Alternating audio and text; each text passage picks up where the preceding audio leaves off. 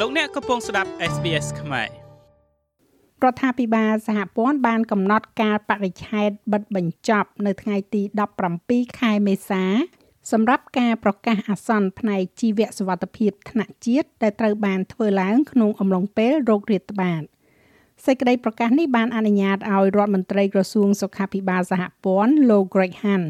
បង្កើតនៅច្បាប់ COVID-19 សម្រាប់ការធ្វើដំណើរចូលនិងចាកចេញ នៅលើជើងហោះហើរអន្តរជាតិ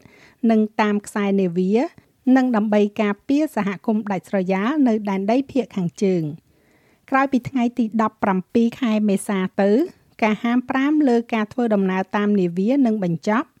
ហើយអ្នកដំណើរអន្តរជាតិនឹងមិនចាំបាច់ធ្វើតេស្តរោគ COVID នៅមុនពេលហោះហើរចូលមកក្នុងប្រទេសអូស្ត្រាលីទៀតទេ ប៉ុន្តែពួកគេនឹងនៅតែត្រូវចាក់វ៉ាក់សាំងឲ្យបានពីរដូសនិងពាក់ម៉ាស់នៅលើជើងហោះហើរដដែលលោកហាន់និយាយថាការវិវត្តនេះគឺជាសញ្ញាមួយផ្សេងទៀតនៃការវិលមករកភាពប្រក្រតីវិញ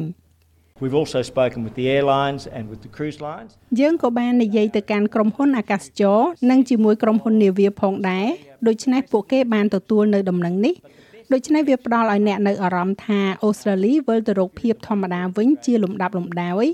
ប៉ុន្តែការការពារដ៏ល្អបំផុតគឺនៅតែជាវ៉ាក់សាំងហើយប្រសិនបើអ្នកនៅក្នុងចំណោមជនជាតិអូស្ត្រាលី1ភាគ3ដែលមិនទាន់បានចាក់វ៉ាក់សាំងដូសជំរុញទេនោះសូមទៅចាក់វាអាចការពារអ្នកបាន sbs.com.au/ ខ្មែរក្រុមប្រឹក្សាវ៉ាក់សាំងរបស់ប្រទេសអូស្ត្រាលីអាតាគីបានណែនាំជាផ្លូវការនៅការចាក់ដូសទី4ជាផ្នែកមួយនៃកម្មវិធីចាក់វ៉ាក់សាំងបង្ការ COVID-19 រដ្ឋមន្ត្រីក្រសួងសុខាភិបាលសហព័ន្ធលោក Greg Hunt មានប្រសាសន៍ថាវ៉ាក់សាំងនេះនឹងមានសម្រាប់ក្រុមចំនួន4ចាប់ផ្ដើមពីថ្ងៃទី4ខែមេសាដោយផ្អែកទៅលើចន្លោះពេលវេលារវាងពី4ទៅ6ខែ បន្ទាប់ពីការចាក់ដូសទី3រួចក្រុមទាំង4នេះរួមមាន អ្នកដែលមានអាយុពី65ឆ្នាំឡើងទៅ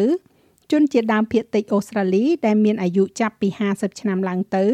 អ្នករស់នៅក្នុងមណ្ឌលមើលថែទាំមនុស្សចាស់ឬពិការភាព និងប្រជាជនអូស្ត្រាលីដែលមានប្រព័ន្ធភាពស៊ាំខ្សោយអាយុចាប់ពី16ឆ្នាំឡើងទៅលោកហាន់មានប្រសាសន៍ទៀតថាកម្មវិធីចាក់វ៉ាក់សាំងបង្ការជំងឺគ្រុនផ្ដាសាយធំនៅរដូវរងានឹងចាប់ផ្ដើមពីថ្ងៃទី4ខែមេសានេះដោយមានគោលបំណងចាក់ជូនប្រជាជនអូស្ត្រាលី5លាននាក់ Similar groups actually. Adults 65 years. ក្រុមស្រដៀងគ្នានេះ មានមនុស្សពេញវ័យដែលមានអាយុចាប់ពី65ឆ្នាំឡើងទៅ កុមារអាយុក្រោម5ឆ្នាំស្ត្រីមានផ្ទៃពោះជនជាតិដើមអូស្ត្រាលីគ្រប់វ័យមនុស្សដែលមានលក្ខខណ្ឌវិជ្ជសាស្ត្រដែលមានភាពស៊ាំនិងមេរោគខ្សោយជាពិសេសពួកគេគឺជាផ្នែកមួយនៃកម្មវិធីចាក់ថ្នាំបង្ការថ្នាក់ជាតិដែលផ្ដល់ជូនដោយឥតគិតថ្លៃលើពីនេះទៅទៀតមានទីផ្សារឯកជនដ៏សំខាន់មួយផងដែរយើងកំពុងវិនិយោគ100លានដុល្លារនៅក្នុងវិធានការទាំងនោះយើងក៏លេខមកមើលតួលេខឆ្លងវិញ រដ្ឋ New South Wales បានកត់ត្រាករណីឆ្លងថ្មីនៃ COVID-19 ចំនួន23,702ករណីនិងស្លាប់ចំនួន7នាក់ក្នុងរយៈពេលរាយការណ៍24ម៉ោងចុងក្រោយនេះរីឯរដ្ឋ Victoria ក៏បានរាយការណ៍ពីករណីឆ្លងថ្មីចំនួន9,244ករណីនិងស្លាប់ចំនួន9នាក់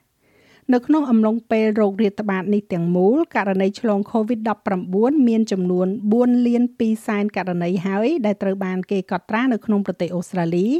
ហើយក្នុងនោះក៏មានអ្នកស្លាប់ជាង5800នាក់ផងដែរចូលចិត្តអ្វីដែលអ្នកស្ដាប់នេះទេ Subscribe SBS ខ្មែរនៅលើ Podcast Player ដែលលោកអ្នកចូលចិត្ត